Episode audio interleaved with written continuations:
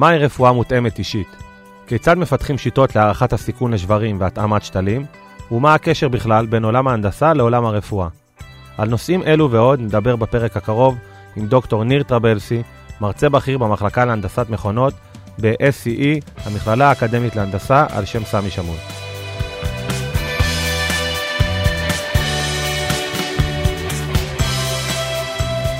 אז אה, היי ניר, מה שלומך? בסדר גמור. נתחיל קודם כל בזה שתספר לנו קצת מהי רפואה מותאמת אישית. אז רפואה מותאמת אישית אה, אה, פותחה בשנים האחרונות, ועקרונית, במובן הקלאסי שלה, מדברת על התאמה למטופל ספציפי, טיפול רפואי. בדרך כלל, כשמדברים על רפואה מותאמת אישית, מדברים על בדיקות גנטיות, בדיקות דם, דברים, אה, מדדים קליניים שהרופא בעזרתם יכול להתאים טיפול אה, אה, לאותו מטופל. אה, זה במובן היותר נפוץ של, המילה, של המושג רפואה מותאמת אישית. Mm-hmm.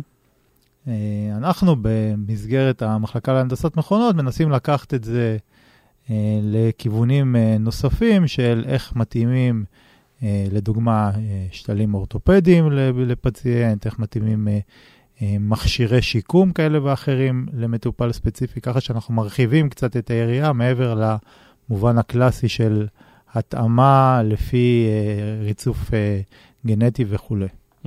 אז באמת בוא נתעכב על זה קצת. לדוגמה, השתלות בהתאמה אישית, איך, איך זה עובד?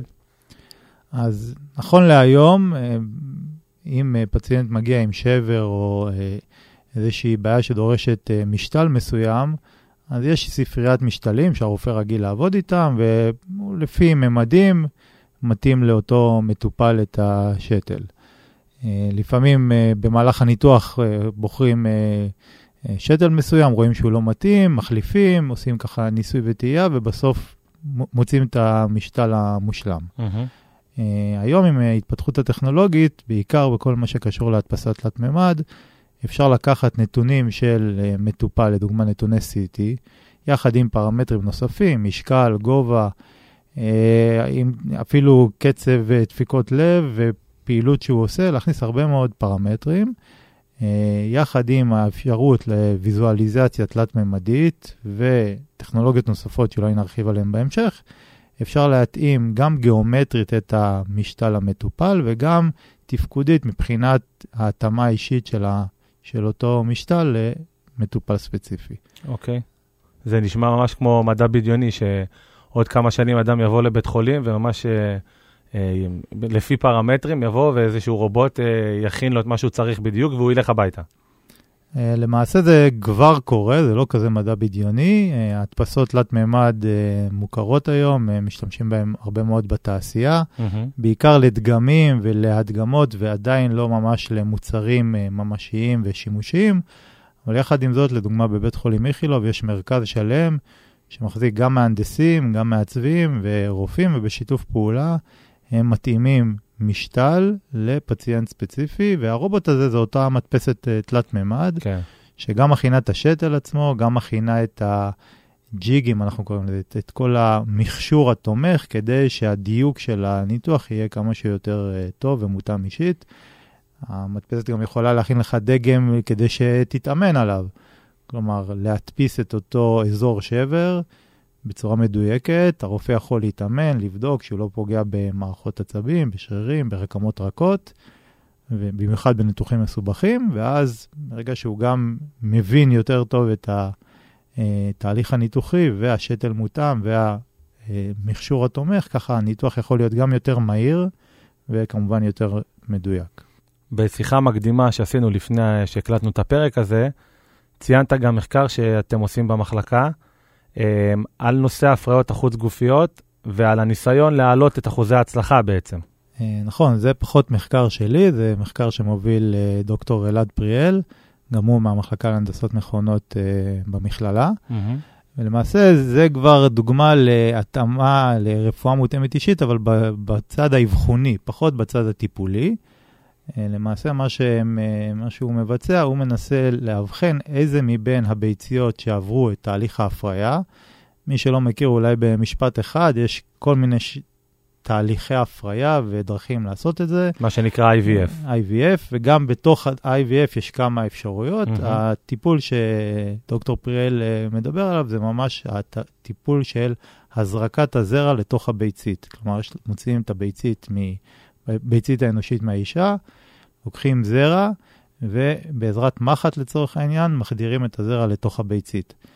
כשמהנדס מכונות מסתכל על התהליך הזה, אז הוא מסתכל על תהליך מכני לחלוטין, הוא רואה שהביצית, ברגע שהיא נדקרת, היא קצת מתעוותת, הוא רואה שהזרע מוחדר פנימה, המחט יוצאת, כלומר, כל התהליך הזה הוא תהליך מכני.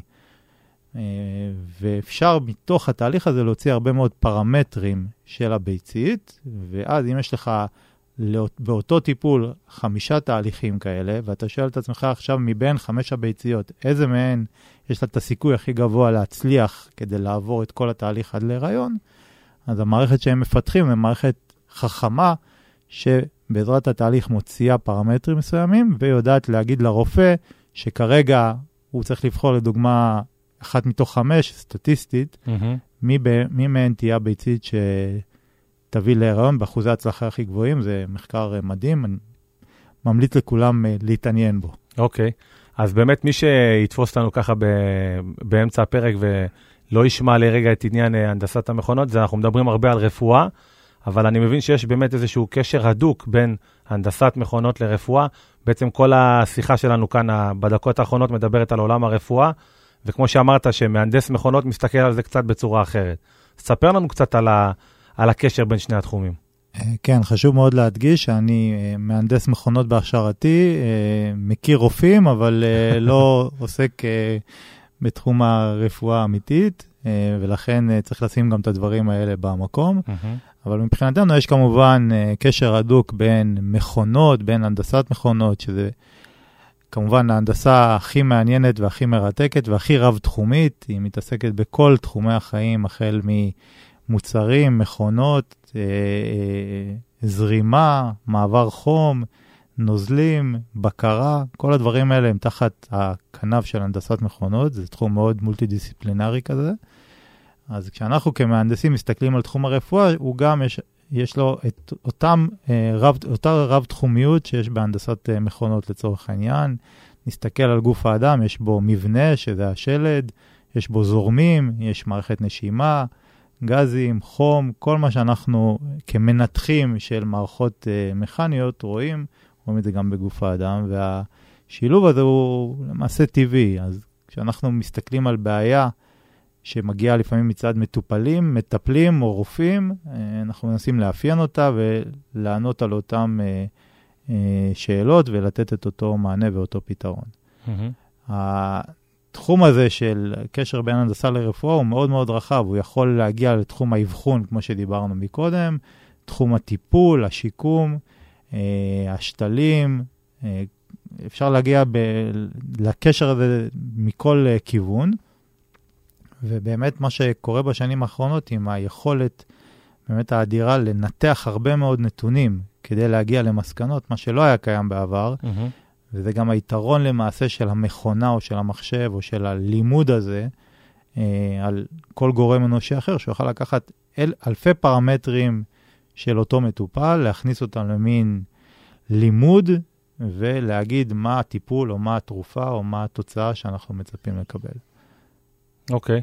אנחנו חושבים על הנדסת מכונות, יש לנו תמונה מאוד מאוד ברורה, אבל כמו שאמרת, זה תחום שכולל בתוכו המון המון תחומים. זה בעצם הנדסה שנוגעת כמעט בהכל. נכון, זה לדעתי מה שיפה בהנדסה הזאת. אה, אפשר להגיע אלינו לכנס פרויקטים ולראות אה, אה, מוצרים מתחום הבניין וההנדסה הכבדה וההנדסה מכנית עד תחום הרפואה. ותחום שברמת הננו. כלומר, ההנדסה הזאת היא נוגעת בהרבה מאוד תחומים, בהרבה מאוד תחומי חיים, וגם היא מאוד uh, מוחשית ומעשית. אתה יכול לראות מה אתה עושה mm-hmm. ולחשוב על כל, כל בן אדם שיש לו את היצר הזה לפתור בעיות ולהיות יצירתי ולחשוב על איך עוזרים ואיך פותרים ואיך מייעלים, אז התחום הזה של הנדסת מכונות, אני מניח, uh, יכול לדבר אליו. אה, ועוד פעם, מבחינתי העניין הרב הוא בהקשר הרפואי, העולם הרפואי מציב הרבה מאוד אתגרים. גם מאוד קשה להיכנס אליו ולהשפיע, כלומר, כדי להכניס מערכת לעולם הזה שהוא מאוד שמרני ומאוד רגולטורי, כלומר, הרבה בדיקות mm-hmm. והרבה, כולם מכירים את זה עכשיו עם החיסונים, אבל כן. בכל תחום, אם אתה רוצה להכניס אה, מכשיר רפואי או שתל או תהליך, או אפילו אה, מערכת תומכת החלטה לרופא, אתה צריך לעבור הרבה מאוד אה, שלבים. אז זה מצד אחד מאתגר, ומצד שני אתה מרגיש את התרומה שלך בעצם לתחום הזה. אוקיי. Okay. אמ, אז אחד מהתחומים, כי דיברנו באמת שיש הרבה תחומים, אז אני רוצה לדבר על אחד מהפיתוחים האחרונים של אחד הסטודנטים שלכם, או שלך, אמ, סלע ריגול. אה, כן, זה דווקא פרויקט, עוד פעם, תמיד אנחנו עובדים מול צרכים שאנשים מגיעים, אומרים, מספרים לנו את הסיפור שלהם, ואנחנו מנסים למצוא פתרון. אז זה פרויקט שהתחיל מ... איזושהי בקשה או שאלה מהתעשייה הביטחונית דווקא, שאמרה, אנחנו רוצים מערכת שמצלמת, משדרת, אבל שלא צריך לשלוח מישהו שיחליף סוללה ושהיא לא מחוברת לחשמל ושיודעת לעבוד, אה, לצורך העניין, על ידי אנרגיה מתחדשת. אה, ובאמת מחקר שלקח אה, כמה שנים טובות, יחד עם מסגרת פרויקטי גמר ותואר שני באנרגיה ירוקה אצלנו. אה, פותחה מערכת שהבסיס שלה הוא סיבים אופטיים, שמצד אחד מקבלים את הפוטונים מקרני השמש, מהצד השני מוחבאים בתוך הסלע ומשדרים את הפוטונים לתא סולארי. אה, כיוון שהסיבים הם קטנים, הם יכולים למעשה להיות מוטמעים בתוך הסלע שמשתלב עם הסביבה, ובצורה כזאת יש גם הטענה של סוללות וגם אה, אספקת החשמל לצרכנים, אם זה מצלמות וכל ה-GPS אה, והשדרים האחרים שיש בתוך אותו סלע. Mm-hmm. זה פרויקט אה, מאוד נחמד, אה, שהגיע עד כדי מוצר שעוד אנחנו צופים לו גדולות. אוקיי. Okay. Uh, בסדר, בואו נחזור אחורה שוב לרפואה. Uh, בעצם ההתקדמות הטכנולוגית מביאה גם צורך בכוח אדם, uh, שבעצם יבין איך להשתמש בכלים ההנדסיים האלה. שזה מביא אותנו למושג החדש שנקרא רפואה מודרנית. תספר לנו קצת. אה, פה יש uh, כל מיני אסכולות, ומצד אחד רוצים להפוך את העולם הרפואי לקצת יותר אוטומטי. Mm-hmm. כלומר, אנחנו לא רוצים שרופא יישב, יקבל לצורך העניין את ה-CT, כמו שדיברנו מקודם, יתחיל לבנות מודלים ולתכנן את השתלים ולהגיד מה מתאים ומה לא מתאים. אנחנו גם לא בהכרח רוצים ש... אה, הרופא יעסיק, אה, כלומר זה דווקא אנחנו כן רוצים, אולי יעסיק מהנדסים, אבל גם זה מבחינת כוח אדם ועלויות, זה, זה משהו שפחות, אה, לפחות בגישה שלי, פחות היינו רוצים לראות. הכיוון הוא דווקא להפוך מערכות לכמה שיותר אוטונומיות ואוטומטיות. כלומר, תחשוב על מצב שרופא מסתכל על CT של מטופל, הוא אומר, אני רוצה להתאים לו שתל, או אני רוצה לבדוק מה הסיכון שלו לשבר, והוא לוחץ על כפתור, ו... כמו שאמרת, מדע בדיוני קסם, אנחנו בונים לו מודל, מדפיסים לו ומגיע לו לשולחן השתל עם המודל ועם דוח. כן. מי עשה את כל הקסם הזה? אז בן אדם, אה, אני יכול לספר מתהליכים אישיים שאני עשיתי, אז בן אדם זה יכול לקחת לו שבוע לעשות תהליך כזה, או כמה שעות טובות, בעוד שמערכת אוטונומית או מערכת אוטומטית שיודעת ללמוד מתוך מקרים אחרים ו... בעזרת פיתוחים שונים, יכולה לעשות את כל התהליך הזה אוטומטי. זה לא אומר שלא נצטרך יותר כוח אדם, כי עם אוכל בא התיאבון. ברגע שהרופאים רואים מוצרים כאלה ויכולות כאלה, אז הם רק רוצים שנפתח עוד תהליכים ועוד יכולות, ככה שבצד הפיתוחי וההנדסי יש הרבה מאוד אה, עבודה ו... אה, ו... ו אה, יש הרבה מאוד עבודה בתחום הזה, mm-hmm. אבל מבחינתי, מבחינת הרופא, אני רוצה שיתפנה כמה שיותר לדברים, לקשר עם המטופל ולדברים שמכונה לא יכולה לעשות, לעומת אה, אה, דברים שמכונה או מחשב או תהליך למידה יכול לעשות, שיהיה כמה שיותר אוטומטי. כן, אז אנחנו, אנחנו נצטרך רופאים, זה לא בא במקום, אבל זה יעזור לעולם הרפואה.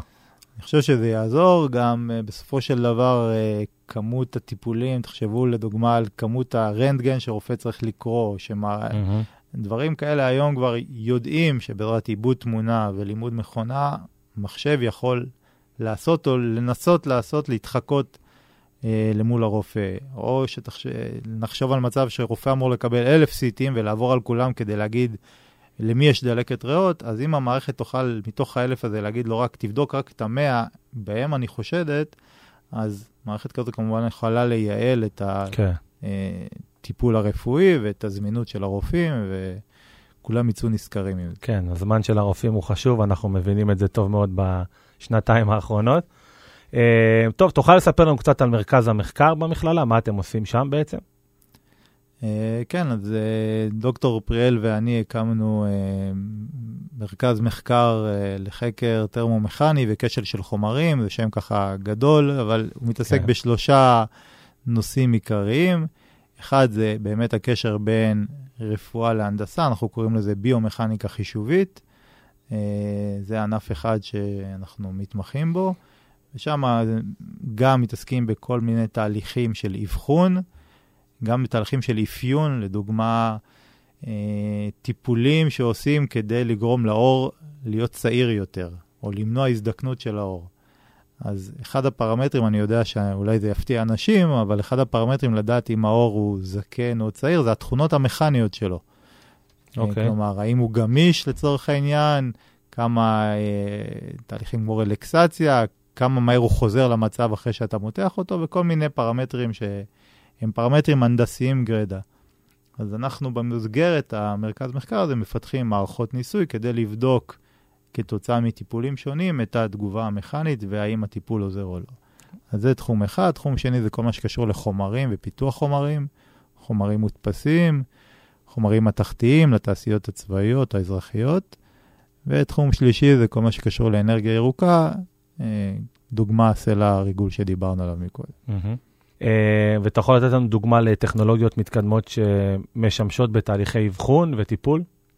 הדוגמה הכי טובה שאני יכול לתת זה דוגמה שאני uh, עבדתי עליה גם בדוקטורט שלי וגם uh, במסגרת חברה שפתחנו כדי להפוך את התהליך הזה ליותר אוטומטי. אז המטרה של המערכת היא, היא שתיים, אחת זה לזהות את הסיכון לשבר בעצמות, אם זה עצמות של עמוד שדרה או של עצם הירך, שזה עצמות מאוד אה, אה, חשובות בגוף, mm-hmm. אה, ושברים מאוד נפוצים.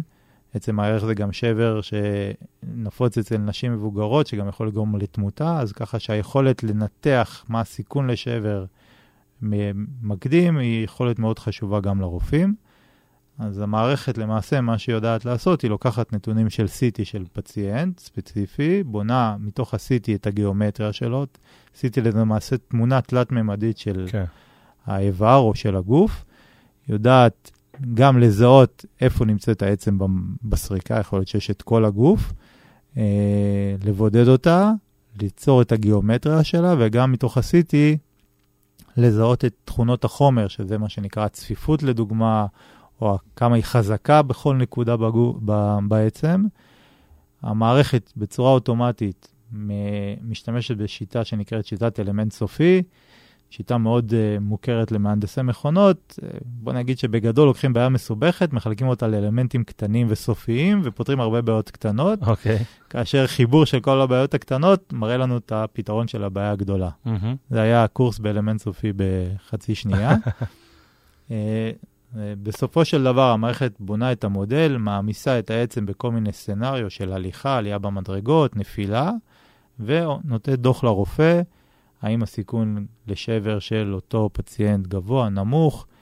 יכול להיות שאותו פציינט צריך להיכנס לאיזשהו תהליך טיפול תרופתי, אה, נותן את ההמלצות בהתאם. Mm-hmm. אז זו דוגמה למערכת שעוזרת בתחום של האבחון, וגם קצת נותנת חוות דעת אה, לגבי טיפולים, לאותו מטופל. אז בעצם אני יכול להגיע עם איזשהו שבר, ישלחו אותי לצילום, ואחר כך, כשאני אגיע לרופא, הוא בעצם יגיד לי, יש לך או אין לך שבר, ומה אתה צריך לעשות כדי ששברים כאלה לא יישנו, או שלא יקרו לך דברים אז, כאלה. אז זה החלק השני של, ה, אה, של הטכנולוגיה. החלק כן. הראשון אומר, יש לך כאבים, או יש הרבה דוגמאות, אני קצת בשיחה קלילה פחות אה, אוהב, ל... יש גם אנשים עם, אה, לדוגמה, גרורות סרטניות בעצם, mm-hmm. שהרופא צריך לשאול את עצמו האם צריך לעשות ניתוח מניעתי, או להגיד לבן אדם, תשב על כיסא גלגלים, או תלך עם מקל הליכה, או תימנע מפעילות. Okay. אוקיי. יש הרבה מאוד שאלות לגבי האם יש סיכון לשבר. Mm-hmm. זה לפני השבר. וזה דבר אחד שהמערכת יכולה לעשות. דבר שני, אחרי שיש שבר, זה כבר לא נשאלת השאלה אם יש סיכון לשבר כן לא, כי כבר יש את השבר, זה בעצם המערכת יודעת להתאים שתל או להגיד באיזה, כן. מה התהליך הניתוחי שצריך לעשות, זה כבר פרוצדורה קצת יותר מורכבת שהיא בפיתוח, אבל בהחלט לשם אנחנו רוצים להגיע. Mm-hmm. טוב, לפני סיום, אני דווקא רוצה איזו שאלה, לא יודע אם נקרא לה אישית, אבל משהו קצת עליך. אמרת שאתה מהנדס מכונות בהכשרתך. תספר לנו קצת איך הגעת, למה דווקא הנדסת מכונות, איך הגעת להיות מרצה בכיר במחלקה. אה, את האמת, אה, מבחינתי להיות מהנדס תמיד היה משהו, אה, ידעתי שזה מה שאני רוצה להיות. זה, הייתי טוב במספרים, בגדול, והייתי אוהב לפרק דברים וגם להרכיב. בצבא התגלגלתי לתחום של הרפואה, הייתי חובש, בצבא אומרים שחובש טוב זה חובש מאלתר, אז איכשהו זה, זה התחבר לי כל הנושא של קצת לחשוב על פתרונות. אה, ואני חושב שבעצם מצאתי את עצמי בהנדסת מכונות, אם הייתי מאוד מפוקס להגיע ולעסוק בתחום הרפואי, בתחום של מוצרים רפואיים וכולי, mm-hmm. ככה שהמסלול שלי היה יחסית אה, מבחינתי מוגדר, אה, ומאוד שמחתי שהייתה לי את האפשרות להגיע למכללה ולהבין שאפשר גם לבצע מחקר. וגם ללמד, שזה שני דברים שאני ממליץ לכולם לנסות לעשות. Mm-hmm. אה, אז ככה שזה מקום אה, גם עם אנשים אה, צעירים, עם אנרגיות, עם, שפותח בפניך, בפניך כל דלת. ככה שאתה מרגיש גם תרומה לסטודנטים בתהליך הלימוד, וגם קידום של המדע, כל אחד רוצה לקדם צעד קטן, בהחלט עושה את ההבדל. כן. אז אם אתם אוהבים לפרק ולהרכיב דברים, הנדסת מכונות זה המקום בשבילכם. או סתם לחשוב על פתרונות, לא חייב לפרק, אפשר רק להרכיב. נכון. טוב, אה, דוקטור ניר טרבלסי, מרצה בכיר במחלקה להנדסת מכונות, במכללה האקדמית להנדסה סמי שמון. תודה רבה. תודה לך על ההזדמנות. ואני כמובן מזמין אתכם, המאזינים, אה, להאזין לשאר הפרקים שלנו בפודקאסט, אה, ונשתמע. תודה.